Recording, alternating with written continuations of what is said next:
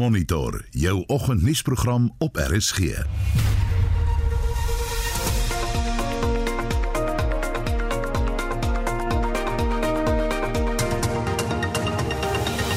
En volgens Monitor verbruikersvertroue daal in die eerste kwartaal. Amptenare van die Renosterberg munisipaliteit ontvang 2 maande se agterstallige salarisse. Kinderwelsyn Suid-Afrika in die Oos-Kaap sê staatsbefondsing aan nie-regeringsorganisasies wat maatskaplike dienste verskaf word ingekort. Dit kan nie altyd gelewer word nie as gevolg van die feit dat die personeel kan nie 2 maande en 3 maande sonder salaris werk en as jy nie 'n ander inkomste het nie, dan um, is daar 'n tekort aan wil ek anders sê die bedryfskoste En die groot vraag, wat is jou raad vir slapeloosheid? Deel jou mening met ons op WhatsApp op 0765366961. Goeiemôre, ek is Oudo Karelse. En my naam is Anita Visser.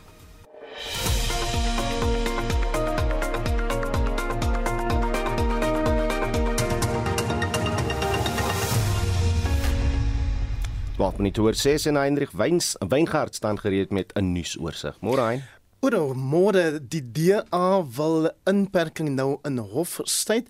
Dis die hoofopskrif op die die, burger se voorblad vanoggend en dit natuurlik na aanleiding daarvan dat die amptelike oppositie nou 'n hofgeding begin oor die COVID inperkings of die rampstaat wat voortduur.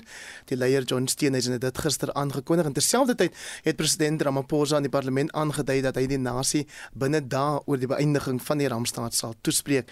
Beeld se hoofopskrif die lei ontwrig eerder as dood BLO en dit in na aanleiding daarvan dat die burgerlike lugvaartowerheid gesê die opskorting van vlugte veroorsaak wel 'n klomp ongemak en probleme vir mense op lughawe maar dit is ter wille daarvan om lewensverlies te voorkom en dan ook uh, 'n uh, berig oor 'n storie wat ons gedra het gister danksy ons sportguru hierso ehm um, Udo Carlsen dit naamlik oor die vroue Protea se geskiedkundige eerste oorwinning oor Nieu-Seeland in die Wêreldbeker kriket toernooi.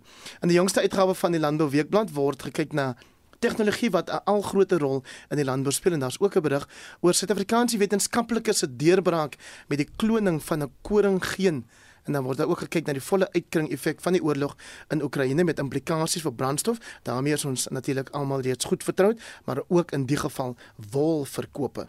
Aan vryeweekblad.com skryf Max de Pre oor die stryd om die siel van Suid-Afrika in 2024 te beslis en hy sê ons kan klou aan die hoop dat die land na die algemene verkiesing in 2024 deur 'n koalisie van partye geregeer sal word. Op Independent Online se tuisblad Police shoot dead four robbers at Edenvale Stone Ridge Mall en dit oor 'n winkeldiefstal by die winkelsentrum hier in Edenvale oos, van Johannesburg. And then uh, four accused of Senzo Meyiwe's murder drop lawyer appoint a new one ahead of trial. Dit oor die oud Bafana ster ehm um, se dood en uh, daar dis ook 'n saak natuurlik waarby Afriforum se private vervolgingsafdeling betrokke is. Twitter gons oor die volgende hitsmerke: Mqwebani public protector en dit handel oor die openbare beskermer wat nou amptelike kennisgewing gekry het van die parlement dat sy dat die proses om haar in 'n staat van beskuldiging te plaas voortduur ook #Cyril of Hitsmerk Hitsmerk Cyril. Die is gewild en dit oor die die, die president se optrede in die parlement gister. En dan ook hierdie ene ehm um, Hitsmerk kan jy dit oor die Suid-Afrikaans gebore komediant en TV-aanbieder Trevor Noah se uitspraak dat hy diep geraak word deur die wyse waarop die Amerikaanse rapkunstenaar Kanye West skynbaar ontspoor. Ja, vir 'n hele dag van Instagram geskort is Kanye West vir 'n aardige ding wat hy gesê het. Dit dan Heinrich Weingart met uh, vanoggend se nuusoorseig. Die digter Deef Malherbe het geskryf: "Wat is die slaap? 'n Wondersoete ding." Vandag op internasionale slaapdag praat ons juis oor daai einste wondersoete ding en ons wil by jou weet dalk het jy vir ons raad. Hoeveel ure slaap jy per nag en is dit voldoende? Sukkel jy met slapeloosheid en watter raad het jy vir ander wat daarmee sukkel? Het jy dalk 'n ritueel wat jy elke aand voor slaaptyd uitvoer en wat help jou om lekker te slaap? Party mense praat van 'n vuurwarm stort, baie warm melk, maar as jy regtig 'n slaapprobleem het, wat doen jy? Deel jou gedagtes, gaan na 45889, dis die SMS lyn. Onthou, dit kos R1.50 of jy kan vir ons 'n stemnota WhatsApp na 076 536 6961 076 536 6961 of jy kan saampraat op die Monitor Spectrum Facebookblad. Ja, vir my lei daai gedig, wat is die slap? Punt en dan kom niks aan aan nie. Munisipale amptenare van die Renosterberg munisipaliteit in die Noord-Kaap wat sedert November verlede jaar geen salarisse ontvang het nie, is gister 2 maande se geld betaal, soos het die DA wyksraadslid van die munisipaliteit Matt Postumus Eskom het beslag gelê op die munisipaliteit se bankrekening om eh, SO uitstaande skuld te delg. Renosterberg se raad is in 2016 onder administrasie geplaas. Vrydag het ons vir 2 maande salarisse gekry. Dit is vir Januarie en Desember. November is nie betaal nie. Ek weet nie vir watter rede nie. En die verkiesing sal afgehandel gewees op die 1 November. So daar's 'n vol maand wat hulle nou geskiep het. Ek gaan nog uitvind. Wat is die situasie? Het dit 'n verskil gemaak aan dienslewering die staking? Absoluut. Die gemeenskap het maar ingespring en almal het maar gehelp waar ons kan. Water gesuiwer, instandhouding het ons maar van die pompe wat stukkend gestaan het, het ons maar probeer regmaak. Dit is nou dalk nie seker nie die heeltemal die regte platform nie, maar ek kan vir jou sê kyk, die kaderontplooiing, mense wat nie bekwame is, wat in posisies sit, tegniese personeel wat nie 'n idee het om pompe en motors en elektriese toerusting ensovoorts voertuie noem dit in stand hou nie die fleet manager weet nie waar hy is nie. Hy het nie idee nie. Daar's nog voertuie wat in 2011 al verkoop is wat nog steeds op ons asset register is. Ons betaal nog steeds lisensiegeld op daai goed, ons betaal nog steeds versekerings op daai goed. Dit is absolute chaos. Die mense wat terug is in die werk is wel 'n verligting, maar die verkeerde mense is terug in die werk. Dis kaderontplooiing van begin tot einde. Daar's twee mense in hierdie klein munisipaliteit wat die bateregister moet op te datum hou. Een doen die voertuie, die movable assets en die ander een doen die immovable assets. Dit is 20 goedjies elk. Hulle kan dit nie eers doen nie. daarmee gesê, voel ek net verkeerde mense in diens. Dit is ontbloot. Ons het 6 rioolpompe, daar's net een wat loop. Ons het 4 waterpompe wat water skuif van die suiwering af tot bo in die reservoir en daar's net een wat loop. Die pompe start nie soos 'n normale ster delta pomp dat jy 'n knop druk en hy begin op sy start winding en hy spring oor na sy run winding en dan net hy trek nie daai hoeveelheid ampere nie. Hulle sit hom sommer net met 'n breker aan en af. Chaos, chaos, chaos van begin tot einde. Ek weet nie hoekom as die mense betaal nie want hulle was nie by die werk nie. Julle is wanneer onder administrasie geplaas? In Augustus 2020. En wat het intussen Ja, eh, gebeur? Niks. Ons is slegter af. Na elle lange hofgeding miljoene rande gespandeer op hofgedinge en prokureurs en advokate om vir die MEC te probeer sê moenie hierdie munisipaliteit 139 nie moet ons nie onder administrasie sit nie ons het 'n plan in plek maar dit het gegaan om politieke gewin hy wou die ANC as die beheerende party in die raad wil hy herstel dit het nie gegaan oor beter dienslewering nie en ek het dit vir hulle gesê daai tyd dit het nie gegaan om dinge beter te maak nie. Dit het nie gegaan om hierdie munisipaliteit finansiëel onafhanklik te kry nie, maar ons is eerder meer dysfunctional. Ons is slegter af finansiëel in hierdie munisipaliteit na die 139. Dit help nie die premier het nou 3,2 miljoen gegee vir salarisse nie. Daar's 1.6 miljoen rand per maand vir salarisse nodig. Dit moet vir jou sê daar's 'n fout. Dit wat ons vorder op 'n goeie maand is 800 000. Hoe kan 'n mens 1.6 miljoen uitbetaal aan salarisse? Dis inflated salaries. Dit is te veel mense af in diens geneem. Nou na die verkiesing 1 November is daar nog 8 posisies gevul wat ons nie kan bekostig nie. Dis absolute mismanagement en die MEC draai 'n blinde oogie voor. Ek het 'n skrywe aan hom gestuur. Ek het hom 7 dae gegee om terug te kom op daardie skrywe. En hy het dit net eenvoudig bladstamp geïgnoreer soos al die ander briewe tevore. So hier en daar sal 'n ou dalk 'n bietjie reaksie kry, maar niks word daaromtrent gedoen nie. Die munisipaliteit kan jy miljoene rande insit as jy nie gaan begin by jou personeelkorps.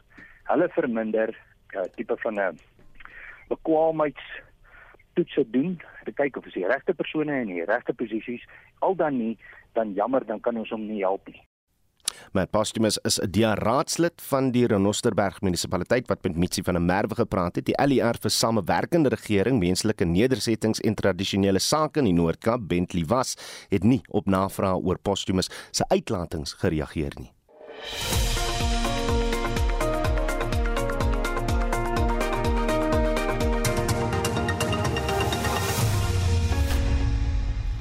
Meer as 300 meisies tussen 10 en 14 het tydens Julie en Desember 2021 in die Oos-Kaap geboorte geskenk.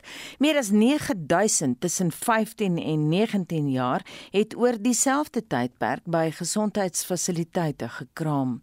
Die Oos-Kaapse voorsitter vir Kinderwelsyn Suid-Afrika, Dalene Ritter, het aan Vincent Mofokeng gesê dat toenemende maatskaplike probleme in die provinsie niks anders as menseregte skending rekenings is nie. Ek kan eers begin by dienste wat verminder word subsidie wat deur die departement maatskaplike dienste verminder word aan die organisasies. Met ander woorde, hulle het minder maatskaplike werkers in diens, né? So die dienste word gesny. Er word ingekort en dan hierdie dienste moet gaan nou oor in die departement toe.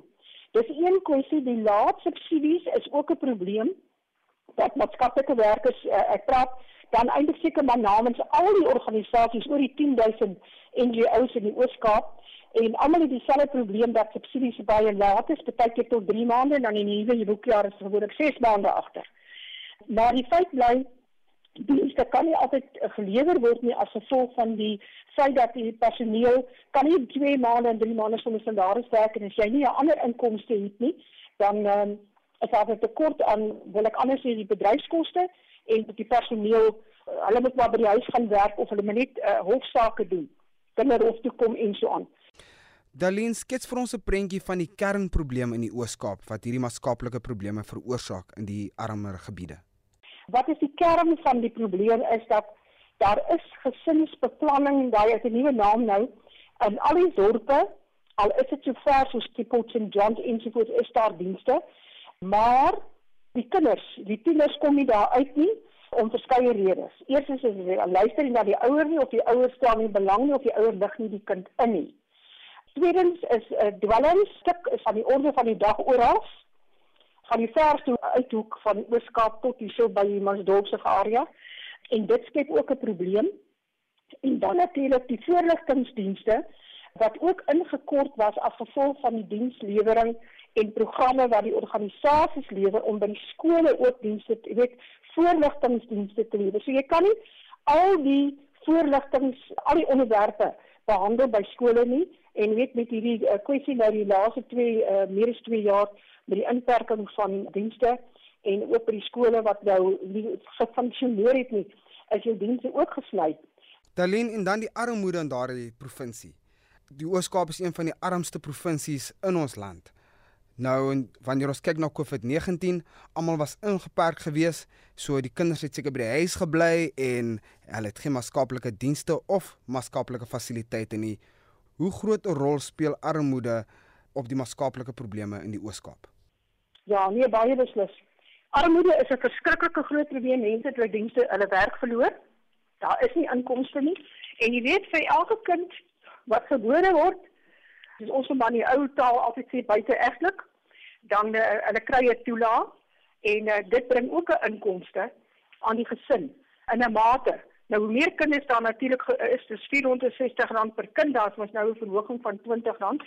Ek dink dit kom Oktober as ek dit reg het. Maar die feit bly baie van hierdie jong mense het wel finansiëel is van 'n ekonomies is dit nou wat is die 2420 maar ek bedoel dit gebeur ek luister na mense wat weet nou baie keer te doen het dan sê hulle hulle groot probleme is nou die dogter wou uitgaan en sy soek daai geld wat nou moes kom vir die kindertoelaag. So armoede, die gebrek aan uh, inkomste uh, is 'n ontsettende probleem en ek meen ons weet ons ons het nou 'n land waar dit nie goed gaan op ekonomiese vlak met mense wat daagliks om ons beweeg nie. Jy weet die jy sien waar mense slaap, hulle het nie 'n behuising nie. Hulle slaap met babetjies onder die boom sommer teen die muur. Dit dit is absoluut dit is absoluut angswekkend. En ehm um, natuurlik as jy honger is, kyk ons het hierdie toename nou. Ek kan vir sien vra vir net dat hulle een van ons kantore gebou so te sê gesloop. Hulle breek af Maak nie saak of daar nou 'n hek aangesit dat jy niemand stop dieselfde gedoen. Dit is kinders, jong mense wat tik gebruik en uh, hulle vat die pype, die koperpype, hulle vat die krane, hulle nou tot die die, die sekuriteits uh, ligte al as dit breek hulle af. Want dit bring hulle inkomste, hulle verkoop dit, want hulle is honger, hulle het nie 'n inkomste nie. Daleen wanneer ons al hierdie faktore so in 'n hoetjie ingooi en ons kyk na die onderbesteding van die begroting van die Oos-Kaapse regering, die tekort aan maatskaplike dienste en maatskaplike fasiliteite. Sal jy sê hierdie is 'n skending van menseregte? Ja, kyk, kom ek sê, sê maatskaplike dienste of dit nou uh, teenoor kindersorg en of dit deur CMR of deur APCV of deur wie gelewer word of die departement. Dit gaan hier oor menseregte. En jy moet die gemeenskap kan ontwikkel en dit is ons plig. Baie vind dat dit ons Christelike plig is, is dit ons plig om te kyk. En uh, as dit nie gedoen word nie, dan gaan jy mos weer dat jou gemeenskap sal uitrafel. Hy sal absoluut uh disintegreer. Jy weet die uh, waardes en uh beginsels. So dit is werklik die goed grens aan mekaar en um, dit is werklik 'n kwessie van dit skend aan menseregte. Dit is aan ons opgedra. Ek weet ek praat uit 'n Christelike oogpunt en ek is seker daar's duisende mense wat nou saamstem. Uit 'n Christelike oogpunt is dit moet ons kyk na ons naaste en ons vat nou baie nader aan 'n gemeenskap lewer omdat dit ons dienslewering en ons benadering as maatskaplike werkers meer en meer ons is meer sensitief want ons is meer bewus. En ons kom meer in aanraking as die gewone die breë publiek. Maar uh, dit is ons opdrag maar dit is ook ons plig om te kyk. En dan dit is werklik 'n skending. Ek kyk nou na die as ek die woord kan gebruik shelters waar die ouens kan gaan slaap. Hulle kan hulle moet betaal om daar te slaap, maar hulle kan nie daar die hele nag op die volgende dag bly nie. Tensy soos die een geval vandag het ek gehoor wat hy se diabetes en hulle het hom nou toegelaat, hy kan nou langer as wat hy moet eet, jy sien. Uh hierdie dag so.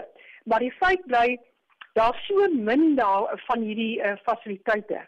En uh nou ja, dit is dit is 'n skending van menseregte dat mense op straat moet gaan bly en in die grasperke moet bly en uh, ek sien hier uh, hier in Port Elizabeth dan is die winkeltrollies staan hier half onderste bo en die ouers nou gepraat daar slaap dan het nou net ietsie daaroor dat hy 'n bietjie uh beskerm is. Dit dit dit is dit skeer ek weet ek dit breek jou hart regtig ek weet nie waar jy nie. As ons net geld het kan ons soveel goed doen jy weet maar geld is 'n probleem. En so sê Daleen Ritter, sy is voorsitter van Kinderwelsyn Suid-Afrika in die Oos-Kaap en sy het met Vincent Mofokeng gepraat. Jy luister na Monitor elke weekoggend tussen 6 en 8.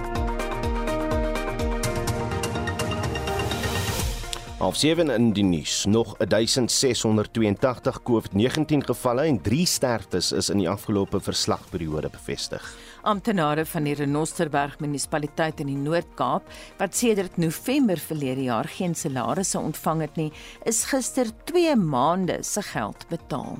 En Turkye het besonderhede bekend gemaak oor 'n vredesooreenkoms wat Rusland voorgestel het vir die beëindiging van die oorlog in Oekraïne. Bly by ons.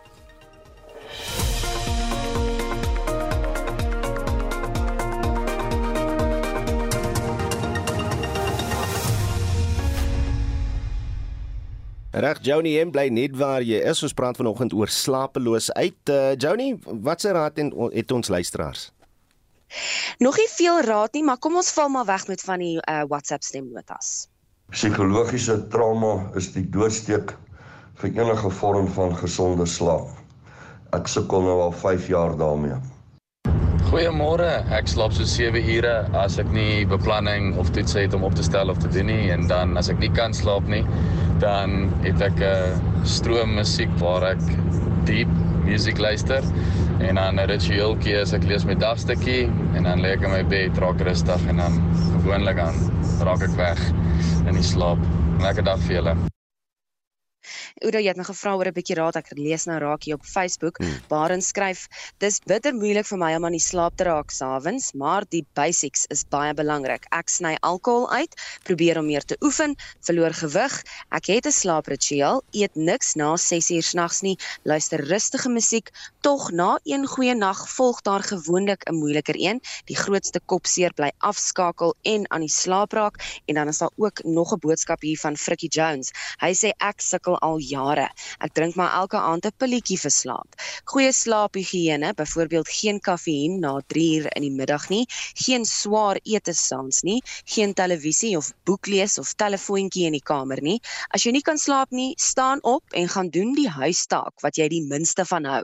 'n Bietjie kookmelk met kaneel en 'n druppeltjie heuning voor jy kamer toe gaan sal ook help. Dit maak jou rustig.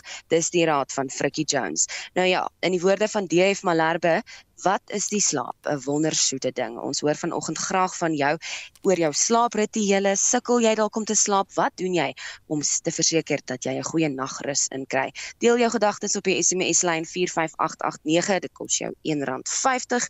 Jy kan ook volgens 'n stemnota stuur na 076 536 6961 en dan kan jy ook gaan saampraat op Monitor en Spectrum se Facebookblad.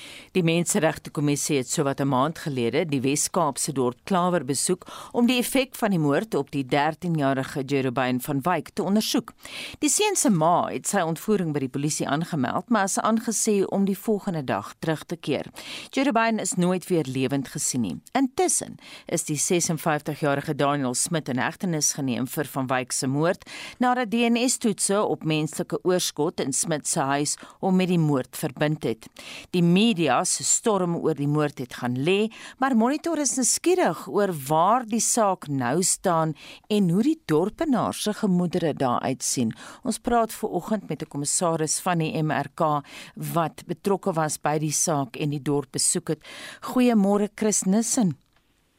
Goeiemôre Anita, goeiemôre aan al die luisteraars van RSG. As ek mag net al die oompies, oom, oompies en tannies in elke tyd regdeur ons land net vir hulle te sê ek vooraf sê uh, het 'n geseënde menseregte dag of volgende maandag. En dan met besonder is daar jy jy, jy, jy sal nie glo nie, maar dit sulke wonderlike loyale luisteraars vir al die peesters. Almal van peesters in Karoo en die Simmons familie in besonder, mevrou Simmons en die suster en niggies. Ek wil vir almal goed volgens luister na RSG soos altyd. Nou wie vir hulle. Jy was laas uh, daar vir die begrafnis en jy het ons vertel hoe gebroke en woedend die gemeenskap is. Hoe staan sake op die oomblik, Chris?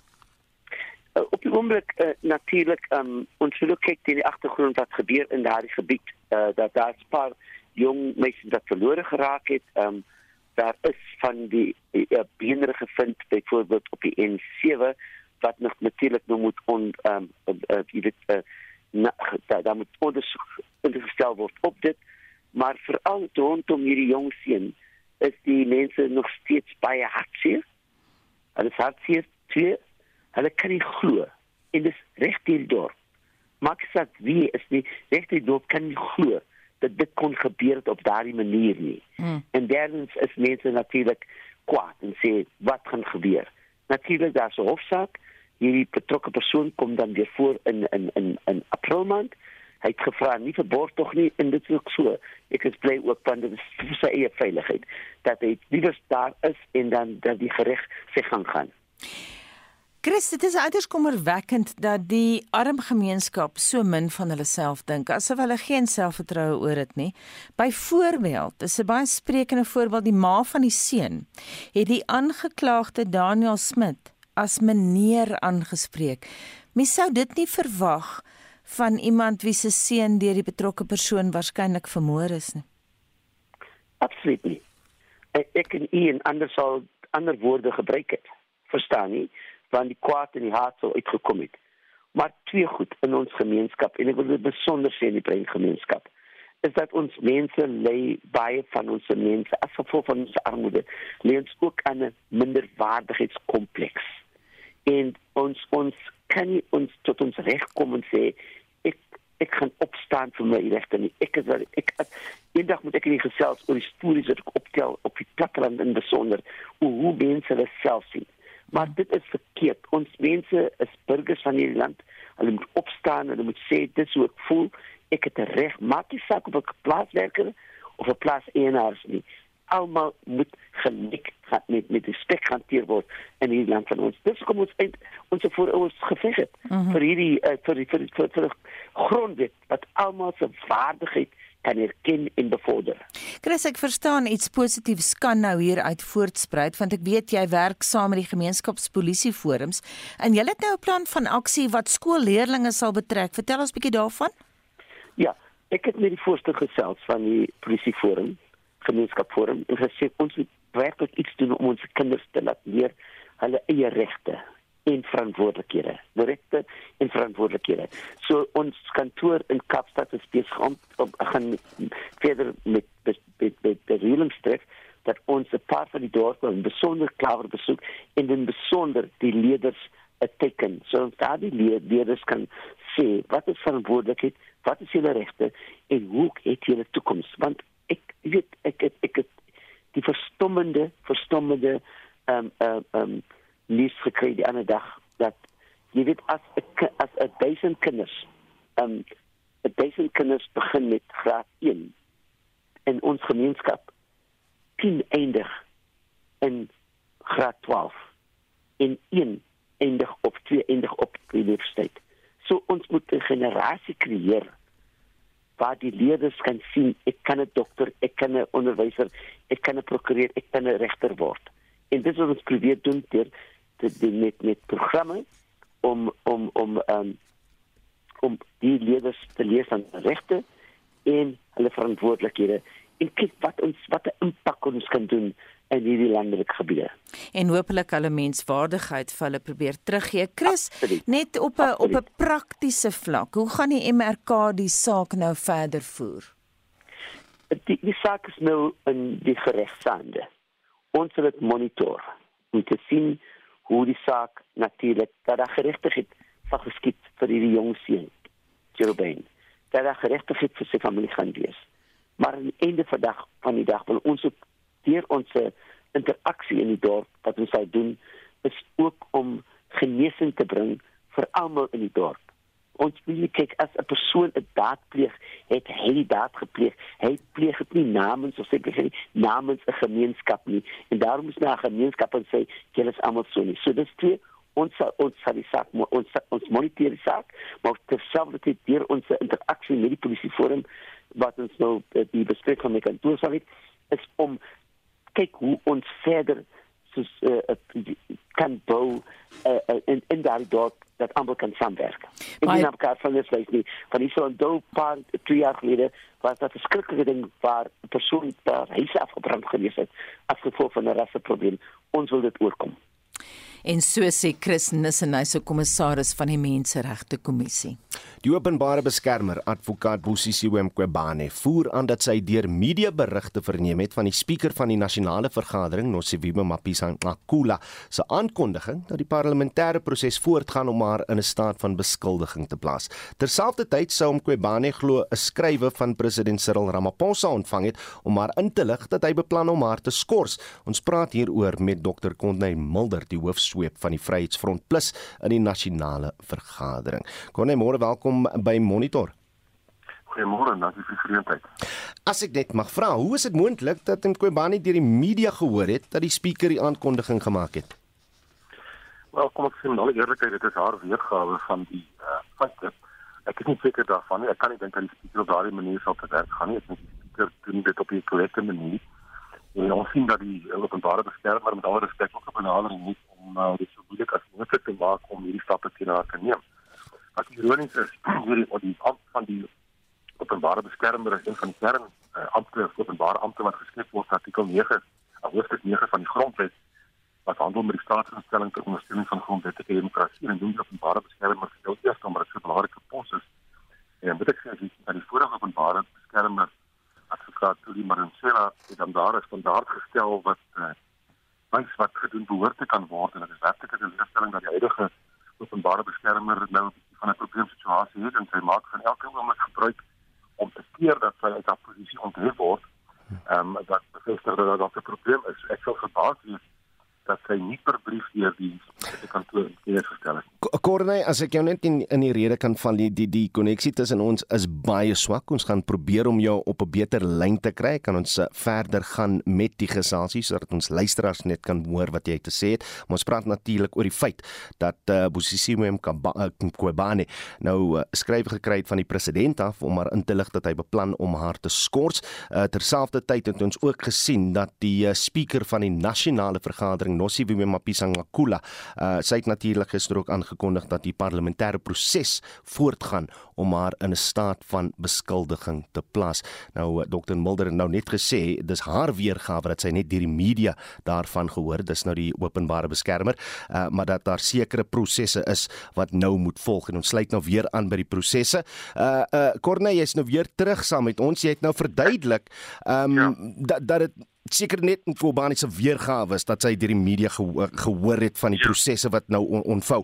So praat nou 'n bietjie oor die proses. Wat bepaal die grondwet oor die aanstelling en uitdien uh, uitdienstelling van 'n openbare beskermer? Kyk, die aanstelling is, is afgehandel en um, soos ek sê, die vorige uh, keer van daardie pos advokaat toe die Marincela het standaard daar gestel wat uh, moeilik tref kan word. Maar dit is nie 'n verskoning vir die probleme wat ons tans ervaar met die huidige openbare beskermer. En wat nou gebeur is ons is by artikel 194 van die grondwet. En artikel 194 handel met die amptontheffing van die openbare beskermer. Die grondwet sê baie duidelik die openbare beskermer kan onthef word slegs op grond van wangedrag, onvermoë of onbekwaamheid. Nou dit is so dat die parlement het 'n gesprek gehad daaroor in 'n debat en daar was so 'n mosie gewees wat besluit het in die lig van daarvan om met so 'n proses basies voort te gaan en dan word daar 'n komitee aangestel van die parlement wat funksioneer in terme van artikel 194 wat dan die hele proses moet doen waar getuienis aangehoor word en waar die openbare beskermer die geleentheid sal kry om haar standpunt te kom stel. Ek is 'n lid van daardie komitee en daardie komitee gaan nou voort met sy werksaamhede uit die openbare beskermer tussen tyd alles wat vermoë doen om die proses te probeer stuit. Hmm. Sy het aansoek gebring na die uh, Hooggeregshof en die Hooggeregshof gevra om in te gryp en te sê daar is geen rede om so 'n proses te voortgaan nie. Dit het die proses nou vir hele etlike maande vertraag, maar die grond uit die Hooggeregshof het uitgekom met 'n uitspraak wat gesê het nee, daar is nie rede om die proses te staak nie en die proses kan voortgaan. En die proses gaan nou voortgaan en uh, dit sê so daarvan so in kennis gestel maar natuurlik die openbare beskermer het nou weer gereageer en gesê wat sy weet van niks. Hmm. skuldig hier verstaan nie wat aangaan nie. Cornelis, ek mag die parlementêre proses is nou reeds aan aanvang. Verduidelik dan hoekom die president nou ook betrokke geraak het met sy skrywe wat hy aan uh, Mqobani gestuur het. Ja, die die grondwet is baie duidelik daaroor. Interessant is ook 'n bepaling wat die grondwet sê in artikel 194.3a.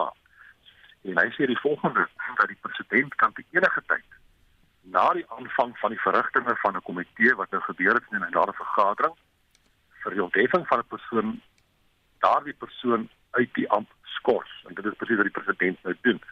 Met ander woorde, ehm um, hy kan dit doen en dan artikel uh, 194.3b sê hy moet die persoon van die amp onthef by die aanname deur die vergadering van besluit waarin gevra word dat die persoon van die amp onthef word. Met ander woorde, die president hoef niks te doen nie.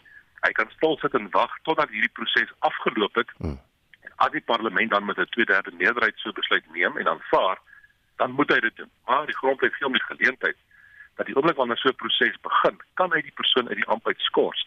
Nou tot onlangs toe die president op weerhou daarvan, maar hy het daar nou lyk hy kennis gegee dat hy haar skors uit die amp uit wat hy ook sê dat die president erns van die situasie meer as dit besef en dat uh, die openbare beskermer werklik lyk dit my 'n probleem is en die komitee sal so moet hanteer. Wat wat is die Vryheidsfront se se posisie oor uh, of die president dalk die risiko loop dat sy aksie eintlik verband hou met die openbare beskermer se uh, prosesse teen hom? Nee, kom ek vir so sê ek dat ek ek, ek tref 'n onderskeid. Hmm. Die lede van daardie komitee wat net is een van hulle is nou baie objektief en ons gaan rustig hierdie proses gaan en kyk na al die getuienis en sal ons 'n besluit neem as ons al die getuienis voor ons het en die openbare beskermers ook aangehoor en ek sê dat lei die daardie proses maar intussen tyd ehm um, wat die feit van plus posisie betref ek het verstaan dat daar nie 'n probleem dat die president uh, kan optree nie. En as as dit werklik dink ek as die president vir hom werklik gegaan het dat hy voel nou tot te nagekom deur haarself kon hy van die eerste oomblik af geskort het. Daardie proses kom al hele kom al lank ek maar al vir hierdie jaar uit. En uh, die president het rustig gewag in terme van die grondwet nou dat die proses voortgaan het hy opgetree en ek dink dit is baie belangrik want ek sê weer die openbare beskermer se amp is amper een van die heel belangrikstes van die hoogste 9 instellings ter bevordering en beskerming van die demokratiese stelsel en uh, ons sit met die voorbeeld sê van die vorige openbare beskermer wat baie uitstekende mandaat gehandhaaf het en uh, die teleurstelling met die huidige een is dalk baie duidelik teenoor die vorige een. Uh, die proses, hoe lank gaan hy nog duur? Hy behoort nie te lank te duur nie. Ehm um, dit kan uh, tyd vat, maar dit is ook so dat ons het voorbeelde uit die staatsbestel op die oomblik van individue wat elke ding doen wat hulle kan doen om prosesse te vertraag. Ons sien wat meer Zuma doen aan sy kant af, daai Stalingrad tipe strategie op elke ding bevraagteken jy dit op elke bevinding gaan jy eers op hersiening en dan as dit verloor word dan appeleer jy. So teoreties kan dit uitgereik word tot 'n lang proses. Maar ek dink dit is presies wat die artikel van die grondwet nou moontlik maak dat dit by die openbare beskermer geskort sodat die werk in daardie kantoor effektief kan voortgaan.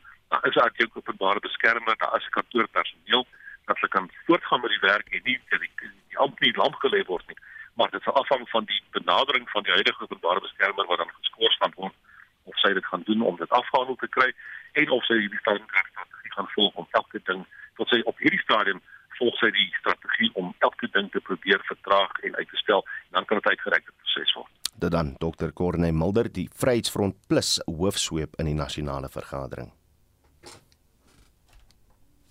En ons skuif nou aan na Oekraïne toe en die Oekraïners se moreel word aangevuur deur intense woede oor die Russiese verskerpte missielaanvalle op verskeie stede in Oekraïne, so sê die joernalis Viktor Tregubov wat gister vanuit Kiev met Monitor gepraat het. Militêr gesproke staan Oekraïne nie eenduid terug vir die Russiese weermag nie.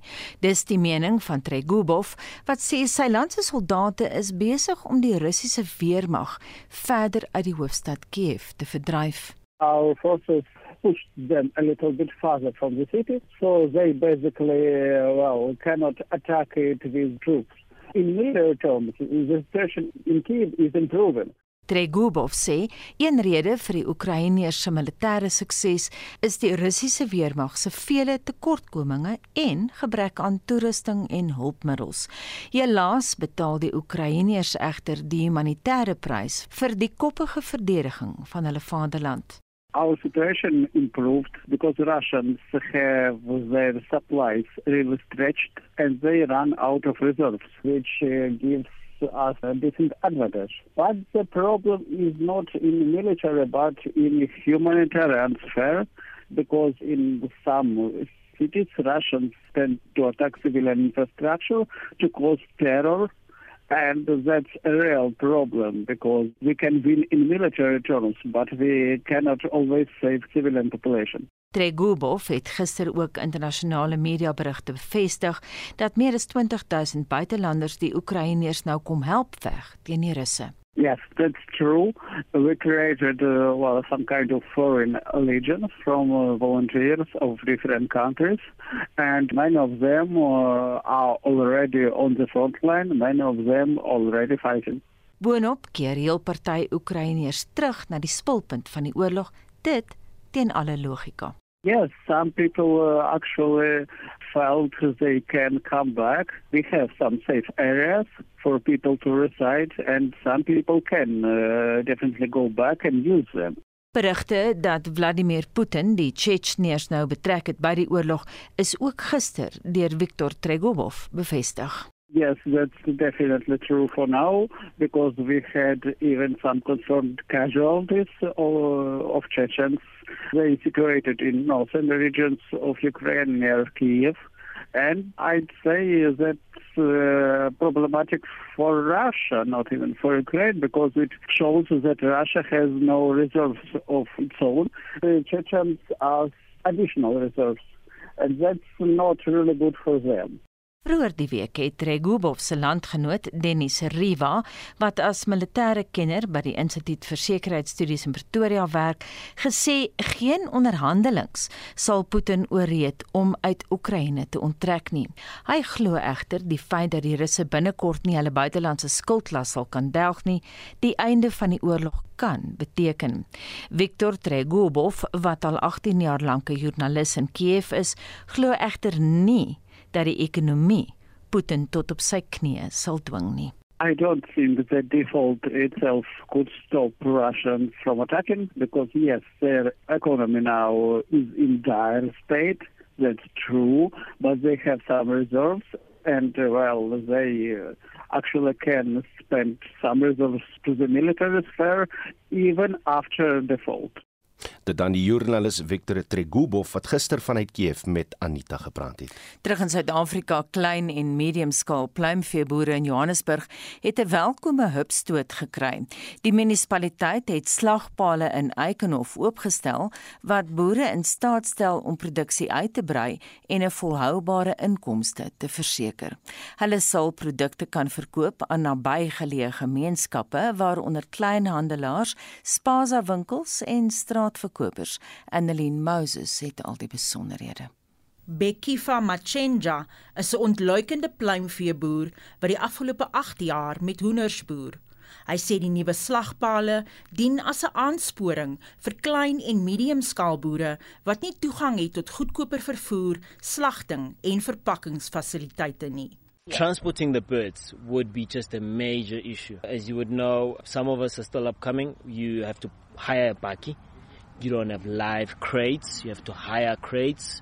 You need additional manpower to bring in those uh, to offload and, and all of that. Yeah, those would be the three major ones. Oh, not forgetting the actual slaughter fee. That would be a lot of money to be spent. Dit kos tussen 8 en 10 rand om 'n hoender by kommersiële fasiliteite te slag. Machenja sê die gebruik van die nuwe slagpale in Eikenhof, suid van Johannesburg, het hulle kostes met tot bykans die helfte gesny. Through this abattoir, which is based not too far from where we actually grow our own chickens, hardly 5 minutes walk, it makes our lives very easy. Our business are able to run in a very sufficient way. Die slagpale kan tot 1000 hoenders per dag slag, maar die boere moet sorg dat hulle hoenders goeie voer kry. Hoenders moet ook tussen 1,8 en 1,9 kg weeg wanneer hulle tussen 38 en 42 dae oud is. Boere moet ook die personeel hê wat die hoenders kan slag en verpak. Dan moet hulle ook die kostes dek van die gesondheidsinspekteur wat die gehalte van hulle produk sal toets. Tandile Gagela is al vir 4 jaar 'n hoenderboer. Sy sê wat hulle nou spaar, dra by tot hulle winste en hulle is besig om werk te skep. Customers have different requirements. Some wanted cut, some wanted whole package, you know, that sort of thing. So we are able to meet our customers' demands and much quicker because now we don't have to go outside and pay abattoir fees. Die hoof van die kosvoedselketting eenheid by die munisipaliteit se departement van maatskaplike ontwikkeling, Simon Motsusi, sê agt koöperasies maak tans van die slagpale gebruik. We currently have about 15 poultry farmers, but they are on uh, various uh, levels. Others, they have not yet uh, started their production, but up to so far, eight are in full production. They have layer production and broiler production as well. Heel of geslagte hoenders is goeie besigheid, maar die hoë insetkoste en noue opbrengste is die uitdagings vir die ontluikende pluimveeboer in die gesig staar. Die verslag deur Nonsin Tombi Mia en ek is Annelie Moses vir SAK nuus. Daar is geen verkeer. In Johannesburg en Boksburg was daar 'n botsing op Mainriefweg by Rondebult en Thomas en Kossie. In Pretoria op die N1 Suid net voor Samrand Laan staan 'n voertuig die noodbaan is versper en verkeer op die Mabopane snelweg staan botstil. Dis glo weens 'n ongeluk. Daar's nog nie veel besonderhede daar nie, maar at Traffic SA het 'n foto gedeel van 'n ry motors wat lyk of dit vir kilometers stil staan. En dan in Kaapstad dan verkeer op op die N2 stad in. En dis by Jakes Gerwel Rylaan. Jy kan ewige vertragings daar verwag. As jy op enige verkeersnuus afkom, jy weet wat om te doen. Stuur vir ons 'n SMS 45889 is die nommer en dit gaan jou R1.50 kos. Jamie, wat sê ons luisteraars het hulle raad vir slapeloosheid? Kom ons hoor 'n bietjie. Mikkie sê op Facebook, ek smeer saans bloekomolie onder my voete om diep te kan slaap. Christa sê ek het definitief 8 ure se slaap nodig. Geen kafeïen, geen alkohol en min suiker was die antwoord vir my. Ek slaap al vir jare heerlik. Maar as ek een koppie gewone koffie deur die dag drink, dan slaap ek glad nie. En dan Elise wat op Facebook skryf 8 tot 9 ure se slaap is wat ek nodig het. Dit moet pikdonker wees en doodse stilte anders skakel sy nie af nie sê Elise. Nou ja, ons praat vandag op internasionale slaapdag oor die die wondersoete ding, slaap en ons wil by jou weet hoeveel ure slaap jy per nag? Uh, is dit voldoende? Sukkel jy met slapeloosheid en het jy dalk raad verander? Het jy 'n ritueel wat jy dalk elke aand voor um, jy slaaptyd uitvoer? Um, doen. Uh, laat weet vir ons. Steel jou gedagtes. 45889 is die SMS lyn. Onthou R1.50 is wat 'n SMS jou kos. Jy kan ook 'n stemnota stuur 0765366961 of jy kan saam gaan praat op ons Monitor en Spectrum Facebookblad. Ons hoor graag van jou. Ek moet sê vir my interessant om te hoor dat jy kan bloekomolie onder jou voete smeer. ons sal uh, later met 'n kenner praat en hoor wat hy daarvan dink. Dit bring ons by 7:00. SAK nuus. Onafhanklik, onpartydig.